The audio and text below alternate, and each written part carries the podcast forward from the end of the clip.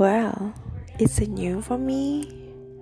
Tapi kayaknya ini adalah waktu yang tepat since orang-orang kayaknya udah makin susah diajak cerita, orang-orang makin susah diajak sharing.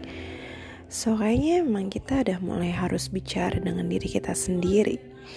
Either untuk pelajaran ke depannya, syukur-syukur bisa jadi pelajaran buat orang yang dengar. So, I hope you enjoy the podcast. Semoga ada manfaatnya ya. Enjoy.